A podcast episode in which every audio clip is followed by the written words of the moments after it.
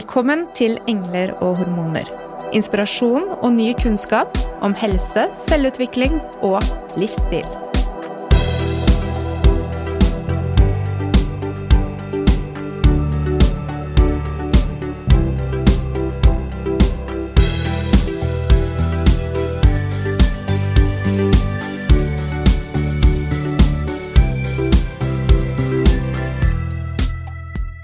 Farmakologi er læren om legemidlene, og inkluderer kunnskap om hvordan legemidler virker, hvilke gunstige og ugunstige effekter de har, og hvordan de skal gis. I farmakologien skilles det mellom hvordan legemidler virker i kroppen, og hvordan kroppen omsetter legemidlet. Men hos oss mennesker så kan dette også endre seg i løpet av en livssyklus. Og mer spesifikt i dag så skal vi snakke om bruk av medisiner når du prøver å få barn, i svangerskapet og i tiden etter fødsel. Med oss har vi Hedvig Marie Egeland Noreng, professor ved Farmasøytisk institutt ved Universitetet i Oslo. Hun har viet godt og vel de siste 20 årene med å interessere seg og forske på bruk av legemidler under svangerskap og barsel. Akkurat det vi skal ta opp i denne episoden. Hjertelig velkommen, Hedvig. Tusen takk, Ingvild. Det er eh, kjempespennende for meg også å være her og prate med dere i dag på jeg må jo si favorittemaet mitt, da. Ja, ikke sant? Vil du forklare litt mer om din vei til akkurat ditt yrke og ditt favorittema? Ja, ja det kan jeg godt. For um, ja, jeg kan jo si at jeg har kanskje fått inn dette med morsmelken. Jeg hadde en eh, bestemor. Hun var eh, farmasøyt, så hun drev med god gammeldags eh, pilletrilling. Eh, og så har jeg alltid elsket realfagene. Og det som er med, med farmasi, er at du har liksom kombinasjon av hardcore realfag, men du bruker det innenfor helse. Og der eh, kommer jo Sanitetskvinne inn, eh, denne fantastiske foreningen som har satt oss i kontakt med deg, og som er med på både støtte forskning og formidle kunnskap ut til de som skal bruke kunnskapen i praksis. Eh, og det er vi veldig takknemlige for. Og de har vel også vært sterkt til stede for at du skal kunne gjennomføre ditt arbeid eh, på forskningen. Ja, absolutt. De har betydd kjempemye for meg. For det, det, gjelder ikke bare å ha ideer og vilje, men du er nødt til å ha noen som backer deg opp, og som, som hjelper å, å, finansiere prosjektene. Så noe av det første postdokken min den var finansiert av Sanitetskvinnene. Og det er jo noe som kan ses ganske tydelig i det kliniske landskap, altså effekten av din forskning ved at mange er bevisste på nettopp det nå, er kanskje i større grad enn før du gjorde dette arbeidet. Ja, det, altså det har skjedd utrolig mye da de siste 10-20 årene. Og den største endringen den har skjedd i holdninger. Og holdningen tidligere har vært at kvinner, og da særlig gravide kvinner, ekskluderes fra forskning. I dag så sier vi at det er ikke godt nok. For i virkelighetens verden så bruker kvinner, gravide kvinner hvert eneste dag bruker legemidler. Og da, da er vi også nødt til å ha kunnskap om eh, sikkerhet og effekt på denne gruppen. Så i dag så sier vi at vi må inkludere gravide også i, eh, i, stu, i studier. Mm. Og vi er nødt til å forske på graviditet og kvinner. Så det er en stor holdningsendring som har skjedd eh, ja, de, de siste 10-20 årene.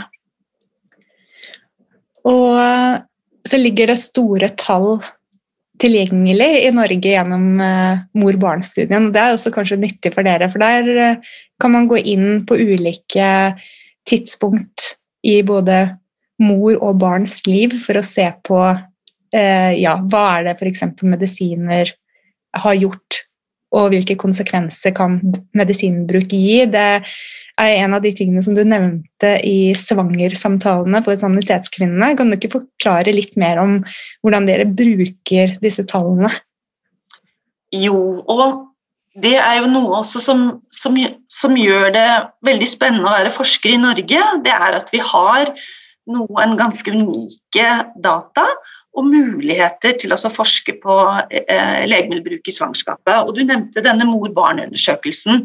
og Det er jo en av verdens største fødselskohorter, hvor man, man har fulgt opp over 100 000 eh, gravide barn og også fedrene. Og for å prøve å forstå um, forhold i svangerskapet som kan ha betydning for helse senere. Um, og, eh, så Der er det nøysommelig registrert hva slags legemidler som da mor har brukt under svangerskapet. Og vi kan følge opp da barna deres, og nå er jo eh, mange av barna de er jo over 18 år. Så, så de har jo blitt store. Og, og, da kan vi også følge opp langtidskonsekvenser. Men når det er sagt, så er selv en så stor studie som mor-barn-undersøkelsen, med da 100 000 gravide, selv det er ikke nok til å studere eh, medisiner som brukes sjelden, og utfall, svangerskapsutfall som er sjeldne. Da er det ikke nok med 100 000. Da må vi kanskje ha, ha en million gravide, eller mange millioner. Så noe av det vi gjør, det er jo også å samarbeide internasjonalt. Mm. Um, vi bruker norske helseregistre. Så vi har jo helseregistre som fantastiske helseregistre som fødselsregistre, og det ble jo opprettet i var det 1967. Altså, så der er vi jo Alle av oss vi er registrert der. Men det at vi har helseregistre i Norge som vi kan koble på individnivå, så at vi kan koble fødselsregistre med f.eks. reseptregistre, som inneholder da alle resepter fra, som er hentet ut fra alle apotek i Norge. Og vi kan koble det mot dødsårsaksregisteret og kreftregisteret. og ja, Det er et, et, et enormt rikdom av høykvalitetsregistre i Norge. Og så kan vi samarbeide med da, eh, kollegaer i utlandet som har da tilgang til tilsvarende registre. Og så må vi igjen så må vi sørge for at vi sammenstiller data på, på eh, aggregert nivå. Det høres ut som en sånn lekegrind for en forsker. Eh, men eh, før vi hopper inn i liksom det selve temaet i dag, så, er det kanskje viktig at vi tar for oss et par etiske Eh, problemstillinger først. Og Hvis vi starter med forskningen, da, så, er det jo noen etiske betraktninger rundt det å forske på gravide kvinner. Hva er det, hva er det som gjør ting komplisert? Ja, og da kan du si at det er jo ikke etisk å ta et nytt legemiddel og så si at nå, nå skal vi gjøre det en randomisert, kontrollert studie, og så gir vi da halvparten lege, det nye legemiddelet som vi kanskje ikke vet noe om, og så, og så, og så gir vi halv, uh, den eh, andre halvparten placebo. Um, så, så da, da må vi bruke andre metoder, og det er der hvor da de observasjonelle studiene, altså studier hvor vi bruker da registeret, kommer inn. Men når det er sagt, så så er det der også en endring. Man starter jo aldri med humane studier, så vi, vi, har jo en del dyrestudier før man begynner. Selv når det gjelder kliniske studier og randomiserte, kontrollerte studier, så har man nå begynt å inkludere gravide kvinner. F.eks. så har dere kanskje hørt at Pfizer tester ut den nye covid-19-vaksinen sin. E, kjører egne studier på gravide. Mm. Og det er, vil jeg faktisk si at det er etisk forsvarlig, fordi at vi da har allerede data fra nå over 30 000 gravide på uh, globalt sett, hvor det ikke er noen, noen uh, Ingen av varsellampene har gått av, og så har man også dyrestudier som ikke tyder på noen risiko. Så i enkelte tilfeller så er det forsvarlig med randomiserte, kontrollerte studier på gravide. Mens i de fleste tilfellene så er vi nødt til å vente eh, til da preparatet først er på markedet, og så, og så gjør vi observasjonelle studier. Mm. Og det gjøres jo da på befolkningsnivå, ikke sant? Og ikke Ja. Ja. Kan vi ikke komme litt mer inn på det for å litt sånn ufarliggjøre, ufarliggjøre? For mange kan vel kjenne på en frykt rundt dette her med å skulle ta medikamenter, men ofte så er det jo det er jo gjerne en indikasjon for at man nettopp skal bruke det. Ja, og det er så bra du, du tar opp, Ingvild. For det, den forskningen vi gjør, den gjør vi på befolkningsnivå og på gruppenivå. Mens beslutninger om å bruke medisiner eller ikke, den må gjøres på individnivå. Og da må man ta hensyn til altså kvinnens sykdomshistorie, hva slags andre legemidler hun har brukt eh, tidligere, som kanskje har virket eller ikke virket, eh, alvorlighetsgraden av sykdommen, hennes egne holdninger og eh, preferanser er kjempeviktig når man da skal bestemme seg om man vil bruke et legemiddel eller ikke- eller ikke. Og disse beslutningene de gjøres jo i samråd med lege som kjenner henne godt. Så det er jo veldig viktig for oss i dag i denne episoden, og den andre etiske vurderingen vi vil tilbake til, altså at dette er en samtale eh, om kunnskap og ikke ment som en veileder til hva du skal ta som medisin. Den avgjørelsen tar du sammen med din lege. Kjempeviktig viktig poeng. Så, så ja, vi kan snakke generelt. Og vi kan helt sikkert komme tilbake til hvor man også kan finne god kunnskap, for det er også uh, veldig viktig. Men uh, ja, kanskje skal vi gå litt inn i uh, materie. Ja, La oss gjøre det. Jeg blir litt nysgjerrig, fordi det er jo ganske unikt eh, når det kommer til det sirkulatoriske systemet eh, til den gravide kvinne og barnet som vokser i magen. Kan vi komme litt kjapt inn på akkurat dette her, og hvordan det fungerer, og hvordan eh, et legemiddel da vil ha påvirkning her? Ja, og da må vi jo begynne litt på, på begynnelsen med dette med svangerskapsfysiologi. For det er nesten ikke et organ i kroppen som ikke endrer seg når kvinnen blir gravid.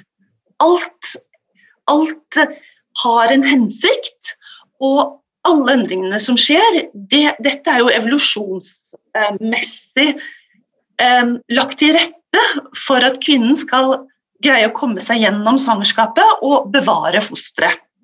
Så, eh, så Og det er jo en veldig tett kontakt mellom da mors blod og fosterets blod.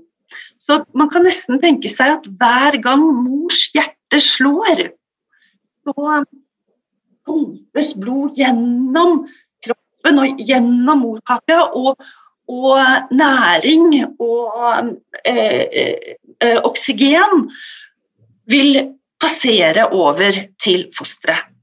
Og morkaka, da, placenta, den tenkte man tidligere, altså da er vi tilbake på 50-tallet, at var en slags barriere. Den er mer som en leksil.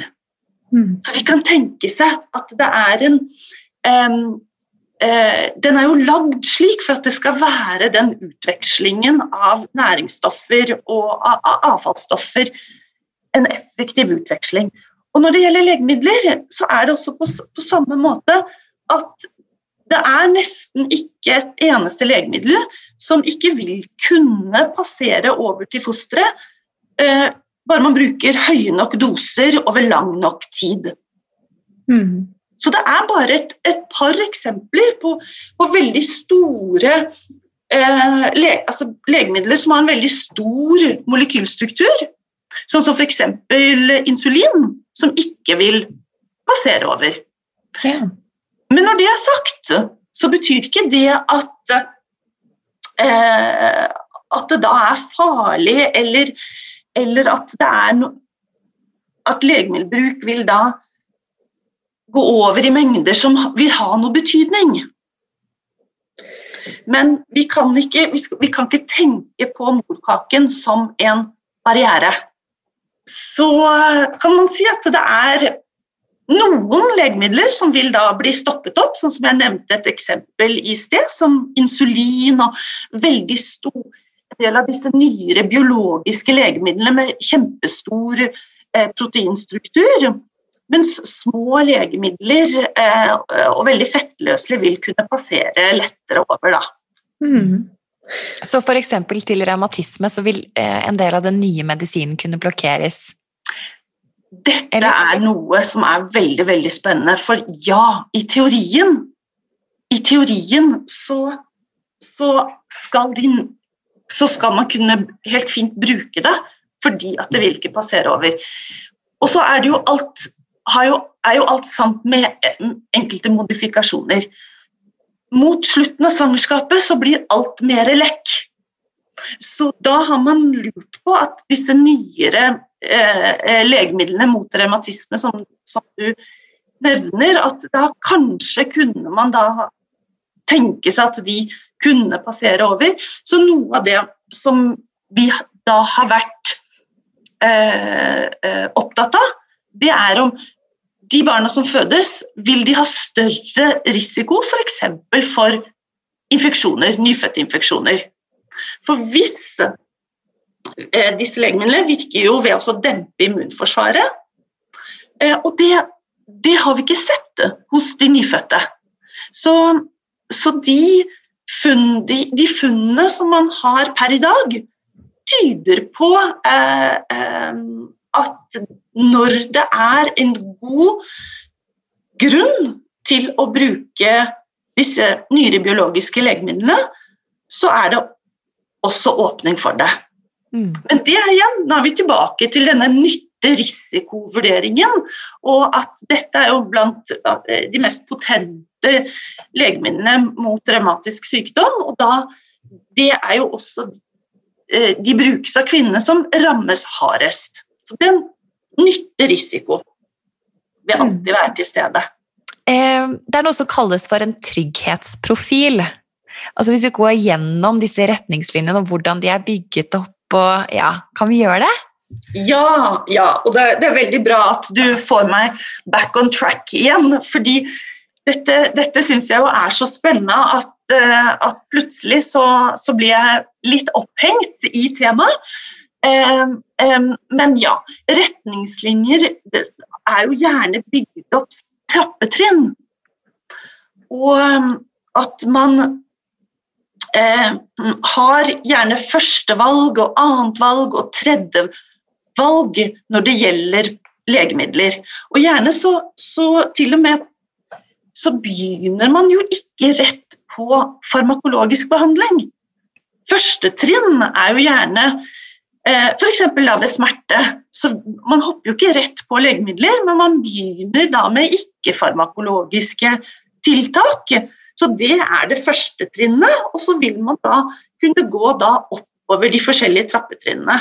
Det første som er viktig å si, det er at av de barn som fødes med misdannelser eh, i dag i Norge, så er det, så er det veldig, veldig sjelden at det, eh, at det er legemidler som er årsaken til de misdannelsene.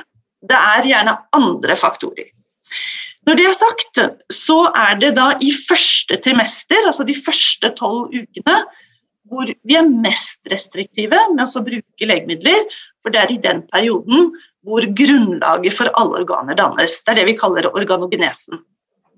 Så da da er det da enkelte legemidler som vi kaller for da teratogene legemidler, fosterskadelige legemidler. De, brukt i den perioden så vil de kunne forstyrre en normalutvikling. Og et eksempel på det er jo talidomid, som, som eh, foreldregenerasjonen vår kjenner veldig, veldig, godt til.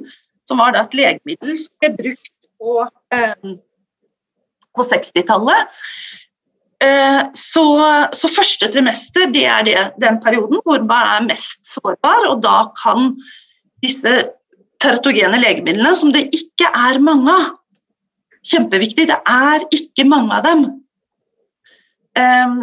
De vil kunne forstyrre normalutvikling av organene våre. så, så, men når det er sagt, så fins det jo også indirekte måter at legemidler kan påvirke fosterutvikling på. Og indirekte måter vil f.eks. være hvis legemidler forstyrrer eh, eggløsning. Da vil de kunne gjøre det vanskeligere å bli gravid.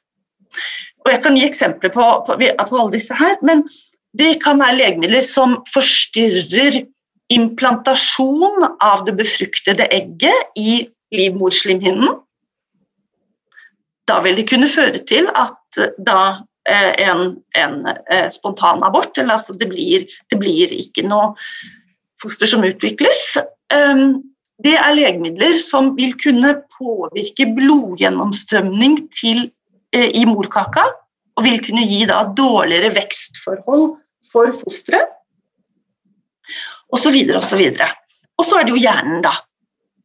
For, for hjernen og sentralnervesystemet den utvikles jo gjennom hele svangerskapet. Så f.eks. Eh, alkoholmisbruk, alkoholisme i svangerskapet, vil, det vet vi jo veldig godt at også vil påvirke hjerneutviklingen. Mm. Og her er det jo mange som er redde, ikke sant? fordi gjerne før man er gravid, så kan det jo godt være at man uh, har drukket litt vin uh, i helgene, eller om det er en sommerferie eller lignende. Så det er jo også viktig å skille at uh, ja. ja. Og da kommer vi inn på dose og mengde. For nå har vi snakket litt om tidspunkt i, i svangerskapet, og litt om forskjellige direkte og indirekte mekanismer. Men mengde er helt sentral. Det er du kan ikke sammenligne det å ta et, et, glass vin med da alkoholisme. Og du kan ikke sammenligne det å ta kanskje en halv, en halv valium eh, før du visste du var gravid, med da å, å bruke eh, valium eller diazepam hver eneste dag gjennom hele svangerskapet. Så, og, og, det vi også ser, det er at ja, det er så viktig å, å, skille på det. Hvor varigheten og dosen og, og også administrasjonsform. Så tenk dere forskjellen på det å bruke da en salve eller noen øyedråper, og, og det å bruke tabletter. Mm. For i, for, i forbindelse med amming så, så, får, ja, så får vi en del spørsmål om eh, kan, kan vi finne igjen denne, dette legemiddelet i morsmelk. Bruk, det kan være snakk om øyedråper. Vi kan ikke finne noe, noe som helst i den melka. Fordi det har også med administrasjonsform. Og eh, i forhold til om hjertet hjertet til eh, fosteret har begynt å slå? Det lurer jeg litt på. fordi altså, Hvis det er snakk om at man har tatt noen glass vin før man vet at man er gravid, så, så vil det også sirkulatoriske kretsløpet mellom mor og baby være annerledes før babyens hjerte begynner å slå i uke fem-seks. Vil det også ha noe å si i forhold til da overføring av det du inntar før denne tiden? Altså, det vi kaller det, vi kaller den aller første tiden en sånn alt eller ingenting-periode. Og det, det, vil si at får du en, en massiv eh, toksisk påvirkning av mor, så vil jo det kunne påvirke altså det hele det, eh, det befruktede egget og, og gjøre at alt går til grunne. Mens tenker at enten så går alt til grunne, eller så går det greit. Mm. Så, alt, så den, en, og det er, det er, jo veldig fint at vi har en sånn tidlig alt eller ingenting-periode. Mm. Eh, det, som, det som vi snakker om legemidler, så er det jo så, det er jo så stort. Eh, det er så mange ting å snakke om. Men eh, du sa dette med noen da, legemidler som kunne påvirke selve graviditeten. Kan du komme noen eksempler på de? Ja, det kan jeg. For um, Og dette igjen så, så, har vi noen eksempler på legemidler som kan gjøre det vanskeligere å bli gravide. Noen av dem det er de eldre antipsykotika. De ga i større grad menstruasjonsforstyrrelser. Eh, mens nå i dag så ser vi at et, et skifte over på altså de kvinner som da trenger oss å bruke antipsykotika, man ser at man bruker heller da de de nyere annengenerasjons antipsykotika de har en bedre eh, bivirkningsprofil når det gjelder menstruasjons- og eggløsningsforstyrrelser. Så der ser vi at de problemene med, med, fertilitet som vi så mye mer av tidligere, det er ikke så mye nå. Så antipsykotika det var ett eksempel, og et annet eksempel som kanskje er da mer eh, relevant, det er enkelte NSAIDs. Dvs. Si altså vanlige Ibux osv. osv. De kan gjøre det vanskeligere å bli gravid for enkelte eh, kvinner. Og vi har sett et par eksempler på det. At kvinner som har, har lenge med å bli gravide og har ikke skjønt helt hvorfor. Og så har de, har de egentlig brukt veldig mye NSAIDs, og når de har sluttet med det, så har det vært da eh, lettere for dem å, å bli gravid. Mm. Ja, for da har det vært sett et økt antall med spontanaborter hos kvinner som har brukt NSAIDs. Men er dette også i forhold til hvor mye du tar, eller mm. er det Ja. Og, og, tilbake til tenk også administrasjonsform. Det er mange som bruker den, den Ibux-gelen, og så bruker du den på litt, litt på en skulder.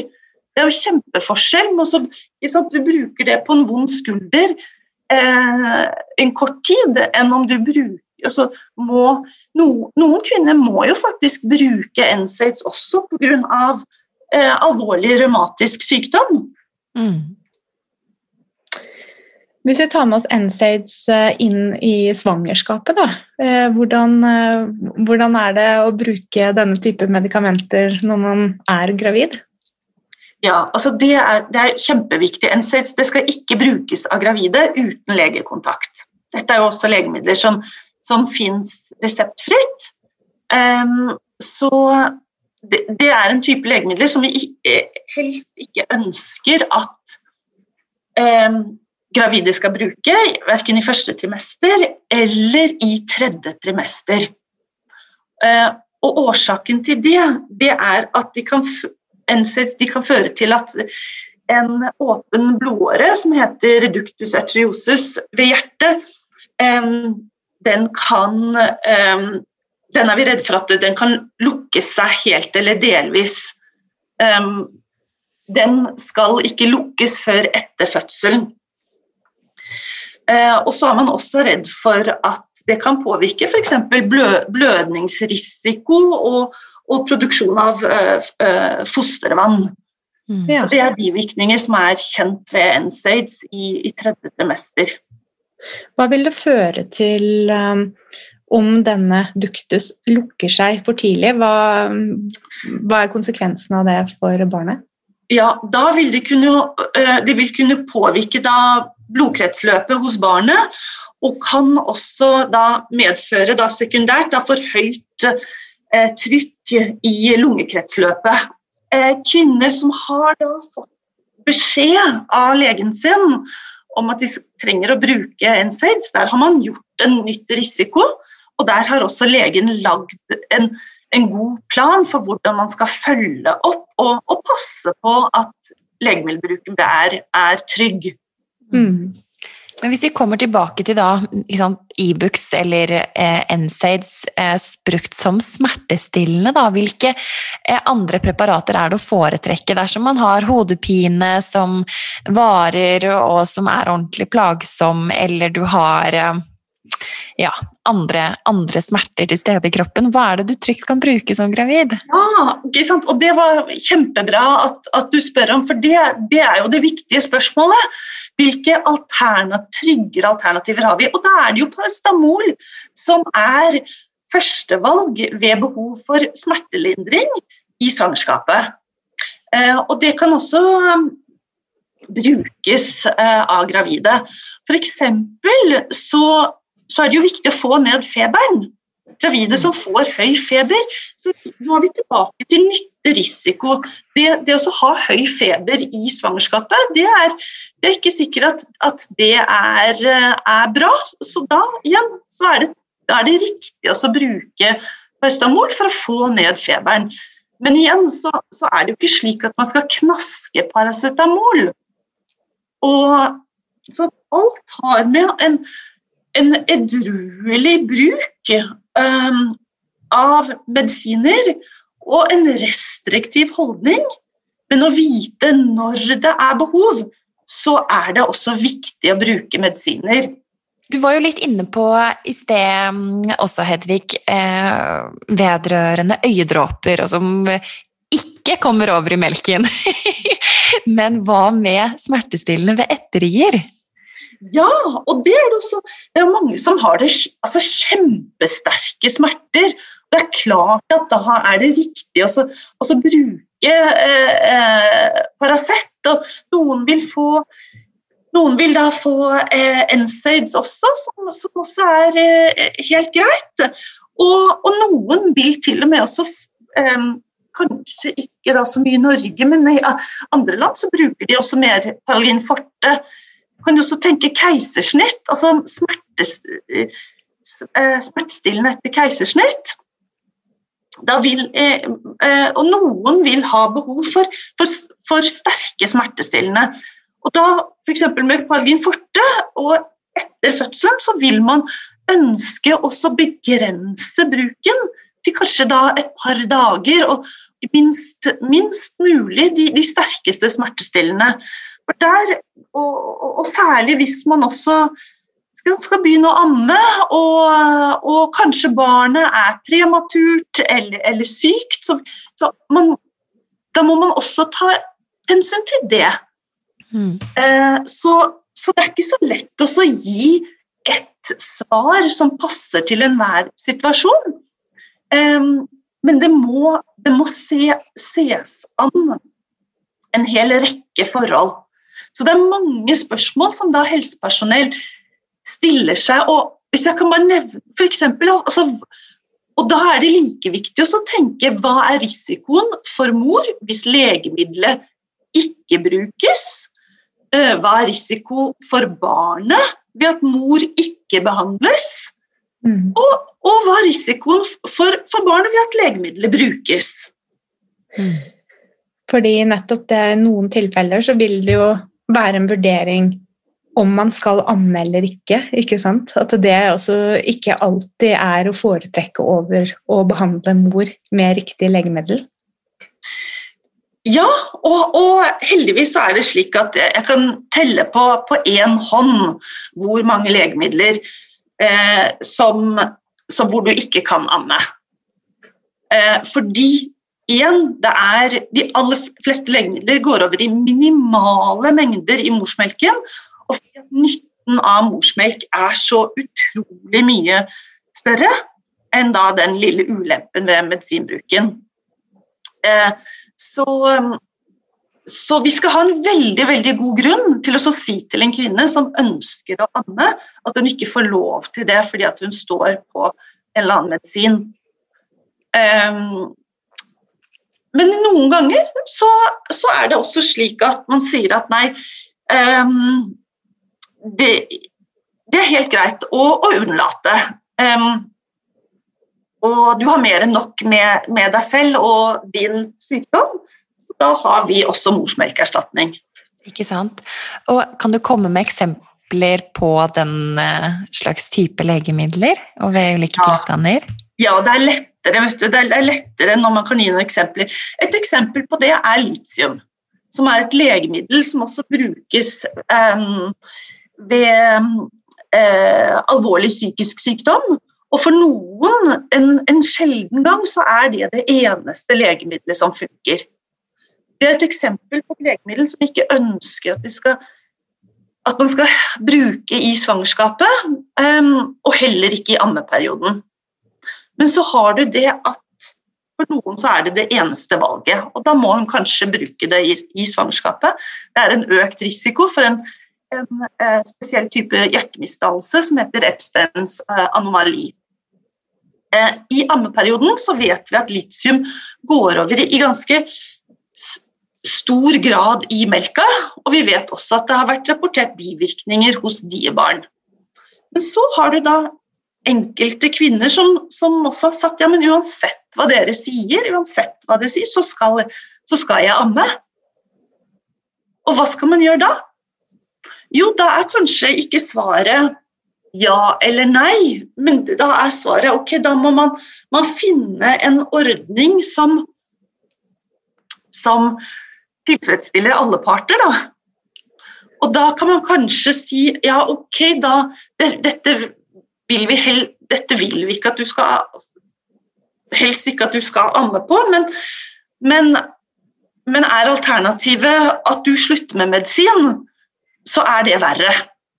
Og da kan man kanskje si kanskje er det mulig å bare amme bitte lite grann når konsentrasjonen av legemiddelet er lavest. Kan man finne Og nå snakker jeg igjen i, i sjeldne tilfeller hvor man, man, kan finne man kan, man kan få gode ordninger eh, slik at det ikke er ja eller nei, men kanskje kan man få til blandingsernæring. Mm. Mm. Så individ, igjen, så, så, dette med individuelle tilpasninger, gitt det kvinnen eh, i, i utgangspunktet selv anser er, er, viktig for henne.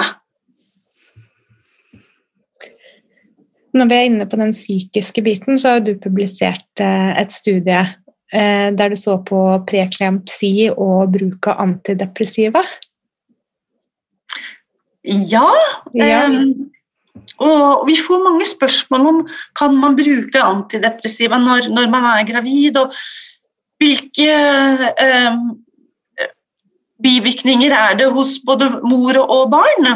Og vi, I den studien der som du refererer til, det var da basert på eh, mor-barn-studien, og hvor vi konkluderte på at eh, det er trolig eh, liten risiko eh, for preklamsi ved bruk av eh, de antidepressiva som vi så på i den studien. Så, der var det an, andre studier har tydet på at kanskje det kunne øke risikoen. Mens vi syntes jo at våre funn var eh, relativt sett betryggende. Det er viktigere at mor har det bra, eller viktigheten av mors helse også i et svangerskap eh, veier på en måte opp for en eventuell risiko, eller? Ja, og det, så, det er jo noe av det som er, det er så kjempeviktig at mors sykdom i seg selv, og unnlate å behandle den, det, der løper man også en risiko. Og um, som en sånn tommelfingerregel så er det også å holde mor så frisk som mulig i svangerskapet. Det er det beste både for mor og barn. Og så er det jo av og til at mor blir syk. Eh, og en ganske vanlig situasjon kanskje, det er urinveisinfeksjon. Eh, og da kommer dette spørsmålet om antibiotika. Eh, kan vi komme litt inn på det? For det, det er nok mange som møter eh, i sin gravide hverdag. Hvordan er det med antibiotikabruk og gravide? Ja, og da, da håper jeg jo at alle som har da hatt en urinveisinfeksjon, og som lytter, og som har fått antibiotika, at de har brukt den. Og de har brukt uh, den fullt ut i, dos, i de dosene som, som, er forskrevet. Fordi at dette er jo et godt eksempel på um, en tilfelle hvor den underliggende urinveisinfeksjonen vil kunne være uheldig for, for eh, mor og barn. Og I verste fall så kan en urinveisinfeksjon forårsake en oppadstigende infeksjon, nyrebekkenbetennelse, og kanskje i verste fall prem, en prematur av membraner og for tidlig fødsel. Nå, det, dette er jo de ekstreme tilfellene, men, men det er kjempeviktig å bli kvitt av den infeksjonen, og da har vi trygge antibiotika. Og vi har klare nasjonale retningslinjer for, for hvilke som man da skal bruke, og da er det jo vanlige penicilliner som man, som man starter opp med, som er førstevalget. Det er nok mange som føler seg fristet til å slutte på disse medisinene når de føler seg bedre. Kan du forklare litt mer om hvorfor det er så viktig å ta kuren fullt ut? Ja, og det vi er redd for, det er jo at da at eh, infeksjonen skal komme tilbake igjen, og, skal, eh, men, og da kunne eh, ha utviklet seg resistens, og, og at, at, man ikke blir kvitt den infeksjonen. Så, så det, og dessverre så, så, ser vi det med at etterlevelse også generelt i befolkningen, etterlevelse av forskrevet antibiotikakurer, den er ikke helt på topp. Og den er heller ikke helt på topp i svangerskapet. Og det, det som har forbauset meg noen ganger i, i dialog med eh, kvinnene selv, det er at de tenker ja, men hvis jeg bare tar halv dose, og halvparten av tiden så vil liksom fosteret eksponeres for mindre av antibiotikaen, men du løper faktisk risikoen med å ikke bli frisk. Mm. Så, så, så, så, derfor så er det så viktig at du, du tar kuren full ut, og i dag så behandles i syv dager. Mm. Ja, Det er kjempeviktig informasjon å nå ut, for jeg også har inntrykk av akkurat det samme som du sier. at Man er jo gjerne sånn, litt sånn tilbakeholden, og må jeg ta antibiotikakuren? Og ja, det er kanskje ikke så nøye om jeg tar den helt fullt ut, så det var veldig verdifull informasjon, Henrik. Ja, og, og hvis jeg også kan legge til, for der har vi jo også sett en del rart bli gjort med eh, i forhold til kjerringråd, og at eh, eh no, noen som da har, har byttet ut antibiotikaen med tranebær eller uh, forskjellige typer kost, kosttilskudd. Og, og, og, og det, altså det, vil ikke behandle en urinveisinfeksjon. Så, så, da Igjen så er det viktig å følge da legens forskrivning og de nasjonale retningslinjene som vi har et godt kunnskapsgrunnlag for da å, å og har utarbeida.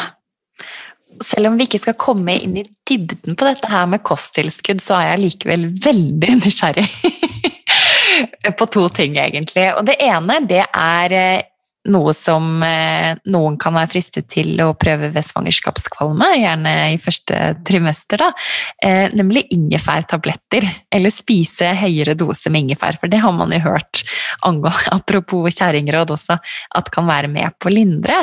Og så Jeg selv gikk faktisk til innkjøp um, av en pakke med, med kapsler med ingefær eh, og i relativt høy dose, og så leste jeg oi, det er risiko for spontanabort. så da lot jeg jo den ligge. Men så ble jeg litt nysgjerrig, da. ja, så alt igjen har med mengde å gjøre. Så, så, i dag så er det enkle svaret ikke bruk mer enn ett gram daglig. Da, eh, og så er det eh, og det er klart at og alt ingefær eller tranebær eller alt, alt det vi bruker som en del av normalkostholdet vårt, er helt ok. Og ved mild svangerskapskvalme så sier vi 'vær din egen detektiv'.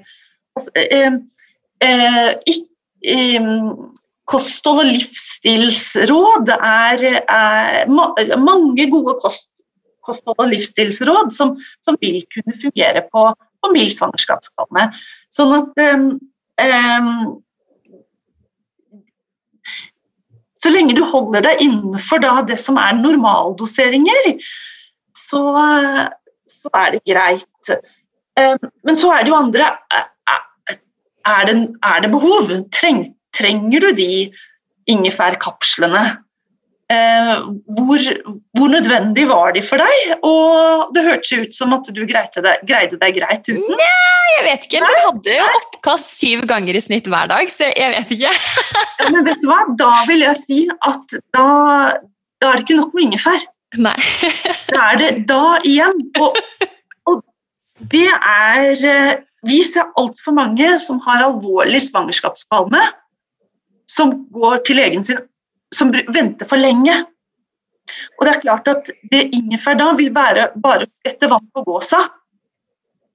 Kaster opp syv ganger i dagen, så, så, skal du til legen din, og, du, og da vil jeg jo si at uh, du burde fått medisiner. Ikke sant.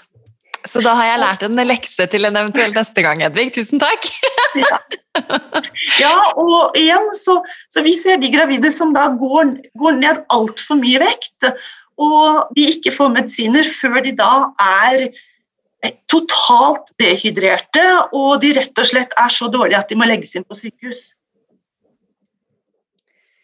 Jeg syns det er litt interessant, eh, den samtalen deres nå. fordi mitt inntrykk er at veldig mange er meget skeptiske til legemidler. Og så har man mye mindre skepsis mot produkter som man finner i helsekosten. Mot det naturlige, at det føles som noe som er riktigere å gjøre hvis man kan prøve det. Og det kan være bare helt farget av hvem jeg omgir meg med, men jeg syns eh, det hadde vært interessant å få ditt perspektiv eh, på det, Hedvig, du som sitter som forsker. fordi legemidlene er jo mye forsket på, men kan vi kan vi stole på det? er vel egentlig, altså Jeg tror det er viktig å bare ta den pinnen i bakken. Ja, og, og der er du inne på også noe som er helt sentralt. Hva er dokumentert? Og for veldig veldig mange av disse naturpreparatene så er det jo ikke gjort studier på verken effekt eller sikkerhet i svangerskapet. Og da er det eh, vanskelig å skulle gå god for dem. Så, så, jeg vil jo si at vær restriktiv, ikke bare med legemidler, men, men på samme måte, tenk på samme måte med kosttilskudd og alternativ medisin. Mm. Så, så, hva er eh, dokumentert? Og for, for, i altfor mange tilfeller så er det ingen god dokumentasjon på verken effekt eller sikkerhet. Men mm. hva med magnesium, da, for kramper f.eks.? Ehm, jeg skal ærlig innrømme at jeg har hørt at magnesium kan tas ved svangerskap eh, ved f.eks.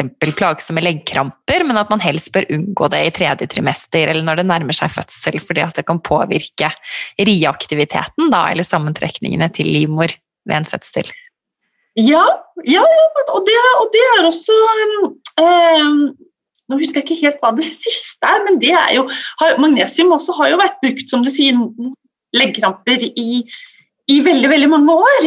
Um, nå husker jeg ikke helt da, uh, da den, det siste av dokumentasjon, men den har en begrenset effekt mot leggkramper hos gravide.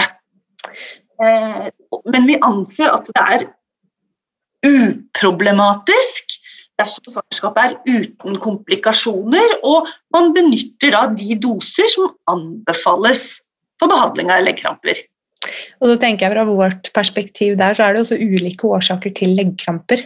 Sånn at eh, ja, man kanskje må se på hvert individ der også, fordi er det mye hevelser og nedsatt sirkulasjon f.eks.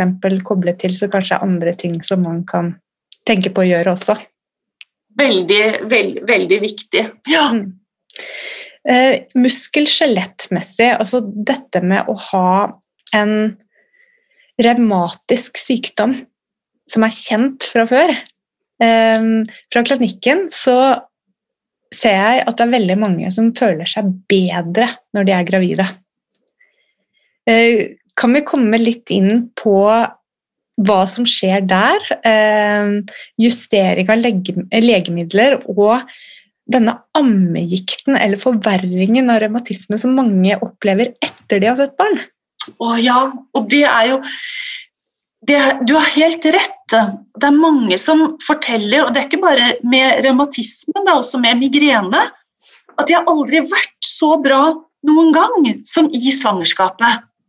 Og det tror vi også er knyttet til de høye eh, nivåene av kjønnshormoner som, som, man har i kroppen.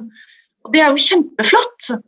Eh, som, som, mange sier at de faktisk kan bruke da mindre smertestillende eller mindre medisiner.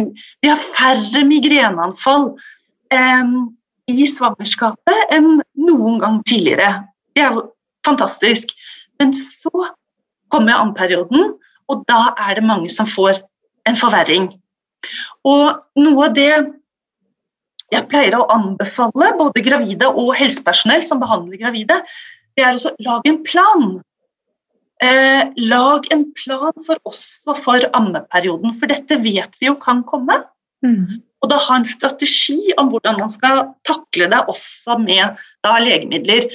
Og det er så mye bedre å ha, ha snakket om dette på forhånd enn at eh, vi da får en telefon, og så er det en kvinne som Det er to timer til hun skal reise hjem fra barsel, og hun står på det og det legemiddelet, og kan hun amme? Så det å planlegge, da har man tid til å diskutere forskjellige valg. Og, og som du sier, en, en, del kan kanskje bruke mindre medisiner da, i svangerskapet, men må bruke da mer igjen i ammeperioden. Mm. Eh, også denne ammegikten som kan komme liksom kastet overraskende på eh, kvinner som ikke har en revmatisk diagnose fra før, men at de har mye leddplager i ammeperioden. Eh, er det også noe som bør behandles med legemidler? Altså, det er vel igjen så si at det er prinsippet igjen, det følger vanlig prinsipp med smertebehandling. Mm. Hvor man har disse forskjellige trinnene og må hele tiden vurdere alvorlighetsgraden. Um, uh, så det er en, den nytte-risikovurderingen. Og så er det også å tenke på triggerfaktorer. Um, en del kvinner har jo dette med søvnmangel som triggerfaktor. Så kanskje man, man må tenke først på triggerfaktorer og andre er det andre ting man kan gjøre? Man hopper jo aldri på medisinene som første tiltak. Mm. Men samtidig så er det jo um ulike infeksjoner som eh, man ikke ønsker at skal kunne overføres til barnet under fødsel. Så nå har vi jo gått litt tilbake igjen da, til svangerskap og til siste innspurt. Og, og en del kvinner eh, har jo herpesvirus, eh, og da gis det jo gjerne medikamenter mot herpesinfeksjon eller sånn antivirale medikamenter før fødsel. Kan vi snakke litt om det? For jeg har inntrykk av at det er veldig tabubelagt for veldig mange, så vi er litt opptatt av at ok, la oss få det på bordet sånn en gang for alle. ja, og der, det, det syns jeg er kanskje lettere å svare på, for det er jo helt klart at det skal behandles. For det er, Har du et herpesutbrudd eh, eh, eh på genitaliet, så skal du behandle det med tabletter. Og da får du eh, antivirale eh, tabletter, jeg tror det er Valtrex som er det som er standard, fordi at du kan smitte barnet eh, under fødsel. Så svaret er veldig greit. Det er helt uh, uproblematisk å ta de tablettene. Og har du et munnsår, så kan du jo helt fint bruke, bruke uh, munnsårsalve. Mm. Gjennom hele, hele, graviditeten og ja, gjennom hele perioden. Tenk igjen, tenk igjen her, dette virker lo, eh, eh, lokalt. Eh, og da er vi tilbake til administrasjonsform. Mm. Back to basics. Back to basics, ja. Vi har en sesong som kommer opp nå med mm, egentlig to ting. Det er vaksinasjonssesong, og så er det allergisesong. Skal vi ta allergien først, kanskje? Ehm, hvordan er det med behandling av eh, pollenallergi og bruk av medisiner eh, i svangerskap og når man ammer? Ja, og da er jo allergimedisinene det er jo kanskje den gruppen legemidler som vi har best dokumentasjon på når det gjelder svangerskapet. De har, dette er jo, antistamin antistaminene er jo eh, gamle medisiner. altså Vi har hundretusenvis av gravide som har brukt det. Mm. Så Um, og der sier vi at på antistaminene så har vi jo to typer. Vi har det vi kaller for første generasjon, som er de gamle antistaminene, og de man blir skikkelig trøtt av. Og I begynnelsen så var retningslinjen at ja, vi har beste data på de, så la, da skal de være førstevalget. Mens nå så har vi, nå har vi også god dokumentasjon, og med god nok dokumentasjon på de nyere eh, antistaminene som ikke ikke gir så mye trøtthet som bivirkning, til å si at gravide kan bruke dem. Så, så de som sliter med eh, sterke allergiplager, de kan bruke da allergitabletter som vanlig. Eh, og de slipper å bytte over til disse gamle eh, antistaminene som gjorde dem helt eh, urtrøtte. Men da må jeg også komme tilbake til at førstevalget er jo aldri tablettene. Mange kan jo komme til målet med lokalbehandling, og de bruker nesespray og øyedråper, og da er det jo det selvfølgelig førstevalget. Ikke sant? Mm. Eller akupunktur? Ja, det vet du, da Det vet jeg ikke hvor Men, men ikke, gjerne kommer man til målet med ikke-farmakologiske tiltak først. Så er jo det da første trinn. Mm. Det er litt interessant det hvordan akupunktur av og til popper opp i retningslinjene for ting som vi jobber med i kvinnehelse. Eh, kvalme eh, anbefales det gjerne å bruke, og fødselsforberedende og ja. Så det er, eh, det er jo veldig fint at vi kan stå litt i midten og se ulike sider av hva som kan være nyttig. Men når vi får en pandemi, så er, eh, da er ting litt annerledes. Nå står vi midt i en veldig spesiell situasjon. Det er mange gravide som, som eh, tenker på dette med vaksine. Det er mange som kanskje tenker på å bli gravide, som venter litt og ser hva er det som skjer i forhold til vaksine. Eh, kan vi kort, hvis det er mulig, komme inn på hva vi vet? Og bare få den kunnskapen som er tilgjengelig når det gjelder eh, vaksiner og denne gruppen? Ja, det um, I utgangspunktet så er norske anbefalinger per i dag at um, uh, dette er en avgjørelse som må tas på individnivå, og at kvinner som, som, er gravide og som har underliggende risikofaktorer som tilsier at hun derfor er anbefalt å ta vaksinen, der må man gjøre en enkeltvurdering. Men hvis hun ikke har risikofaktorer som tilsier at hun eh, blir anbefalt å bruke vaksinen, så er det ikke anbefalt. Mm. Så der står vi nå, og så er vi jo litt tidlig i løpet der, kanskje. Så da, du nevnte jo at uh, Pfizer nå inkluderer gravide kvinner i sine studier. Så er det da sannsynlig at vi får vite mer i løpet av relativt kort tid? Ja, det, det er det. Og på verdensbasis så er det jo over 30 eh, 000 gravide som har blitt vaksinert. Eh, noen ganger så, er, så skjer det planlagt, men andre ganger så, så skjer det jo fordi at alle svangerskap er jo ikke planlagte. Så, mm. så vi har fått en del spørsmål om det. At, det er, ja, at man eh, Kvinner som da har Det er mange som er helsepersonell og som står der i frontlinja og som lurer på ja, nå, Jeg har fått første dose, og nå har jeg oppdaget at jeg er gravid, og hva skal jeg gjøre da? Og Da vil det være en, en individuell nytte-risikovurdering hva man skal gjøre med, med dose to. Mm. Kan man vente, så, så gjør man det, mens, mens eh, er det har hun risikofaktorer som sier at det er viktig at hun fullbeskyttes, så, så, så, så, kan det også være en løsning. Så, her er det eh, eh, Her oppdateres jo rådene eh, jevnlig, og, og myndigheter og legemiddelmyndigheter og, og um, både på nasjonalt nivå og på europeisk og internasjonalt nivå følger jo veldig, veldig, veldig nøye med på, på dette.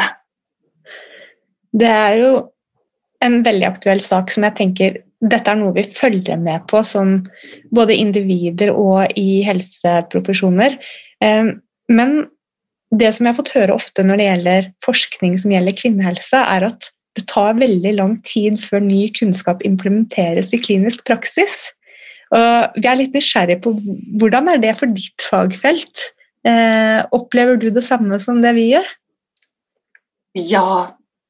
Nå kan du si Det er jo en praktisk ting, f.eks. nå da med eh, covid-19 i svangerskap og vaksinene og alt det der.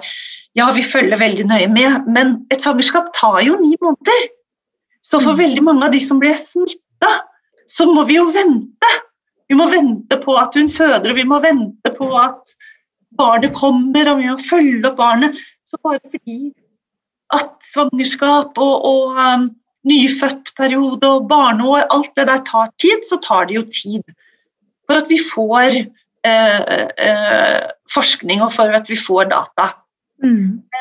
Og så er det jo det andre, det med, det med veien fra Du har da kanskje en vitenskapelig publikasjon til at det når inn i en retningslinje, men så er det jo ikke bare det, men så skal den nå ut i praksis. Den skal helt til fastlegekontoret i eh, ytterste øst og vest og nord og Ikke sant? Ja. Ikke sant? Og så denne hvorfor, hvorfor tar det tid? Ehm, for det første så vil aldri én studie være nok til å endre heller en, en retningslinje, som regel. Mm. tar, man, man, man trenger en, um, et fullt sett av evidenskriterier.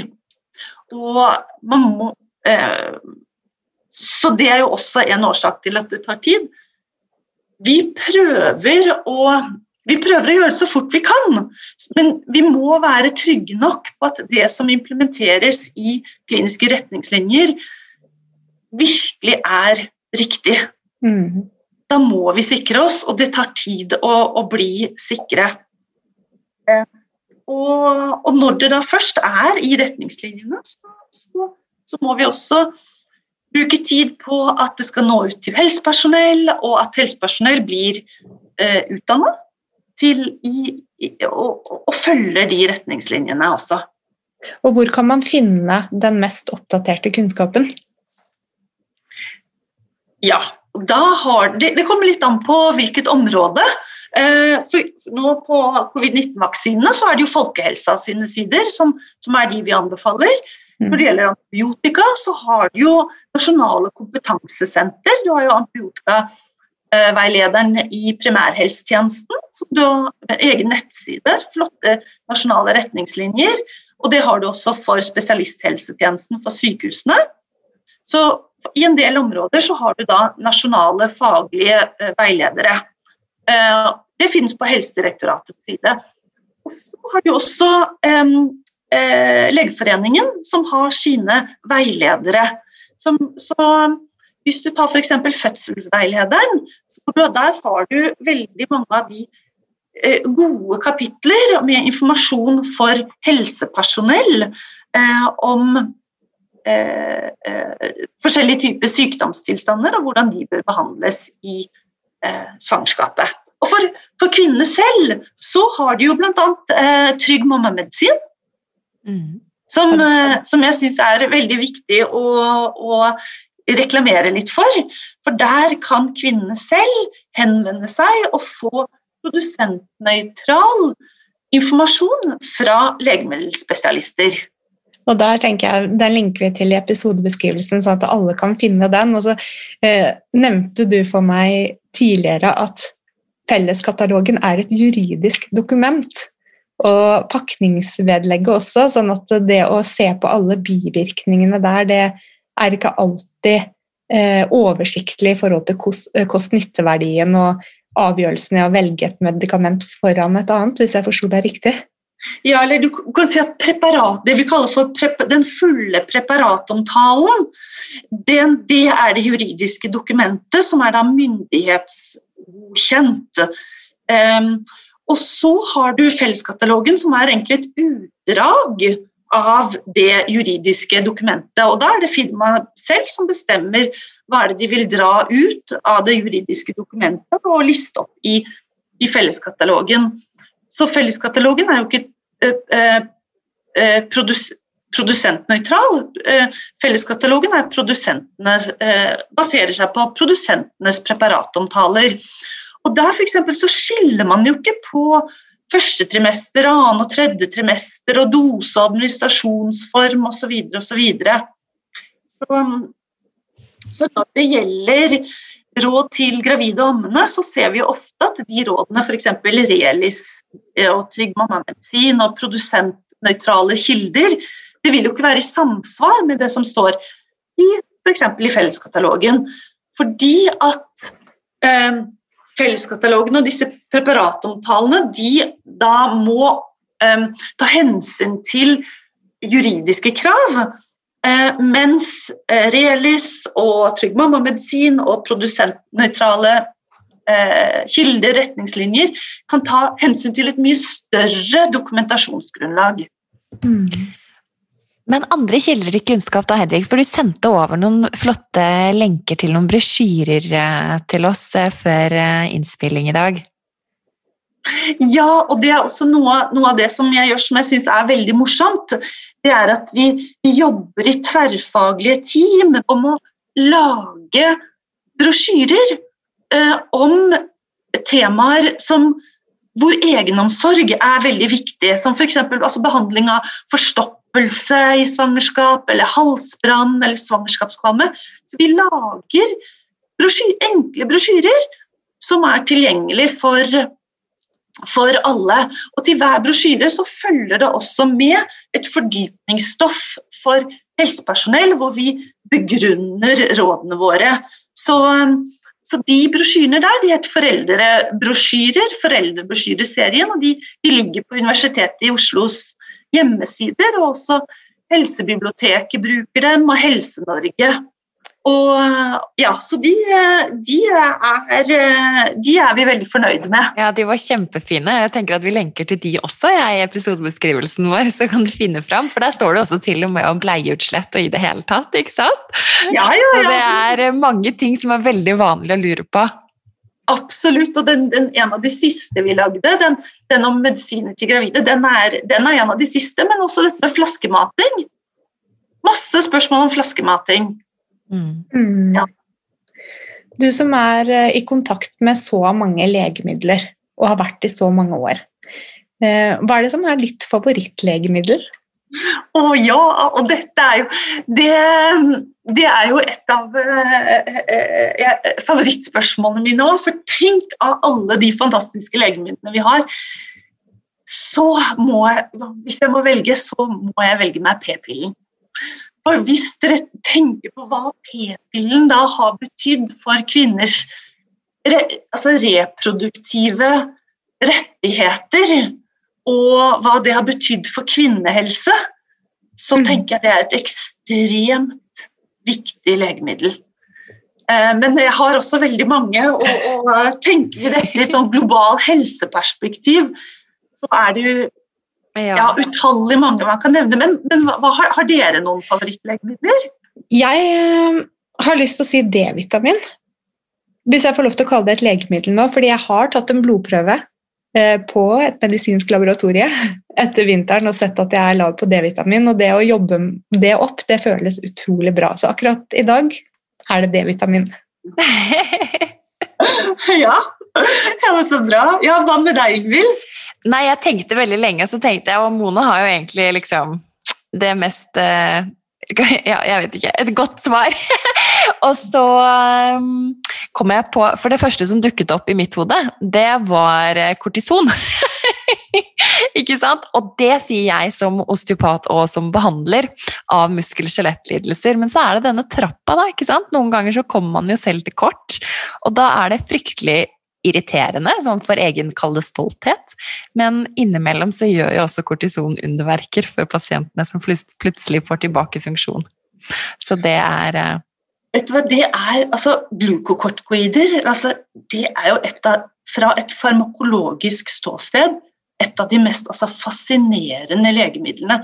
Hvis du tenker på bruksområdet av eh, kortikosteroider, det brukes jo mot alt fra altså, allergi og eh, revmatisk sykdom, eksem, eh, anafylaktisk sjokk altså, det, det, er nesten det er utrolig fascinerende hvor mange bruksområder de har. Eh, Hedvig, med din entusiasme for faget ditt, så skal du ikke se bort ifra at vi eh, sender deg en e-post igjen hvis vi lurer på noe som har med legemidler å gjøre. Vi er så takknemlige for at du tok deg tid til å stille opp her hos oss. Og kjære lytter, når du sitter der, så må du gjerne ta kontakt med oss også på sosiale medier hvis det er noe spesifikt du tenker på i forbindelse med noe av det vi har snakket om i dag. Du finner oss på at engler og hormoner og på e-post hei at engler og hormoner. Og eh, vi vil gjerne høre fra deg. Vi leser alle mailene vi får og syns det er skikkelig hyggelig.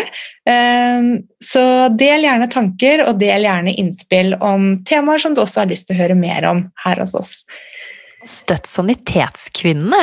Tusen ja. hjertelig takk Sanitetskvinnene, for at dere satte oss i kontakt med Hedvig.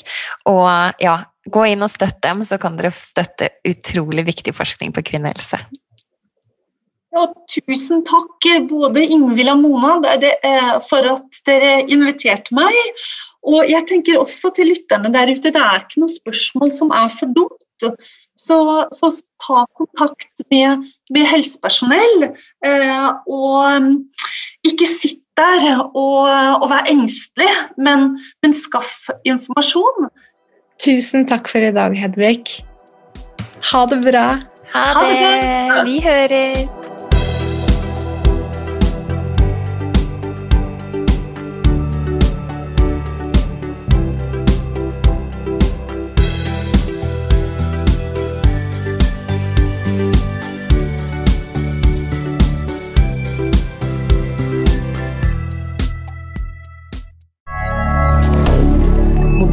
Twitter.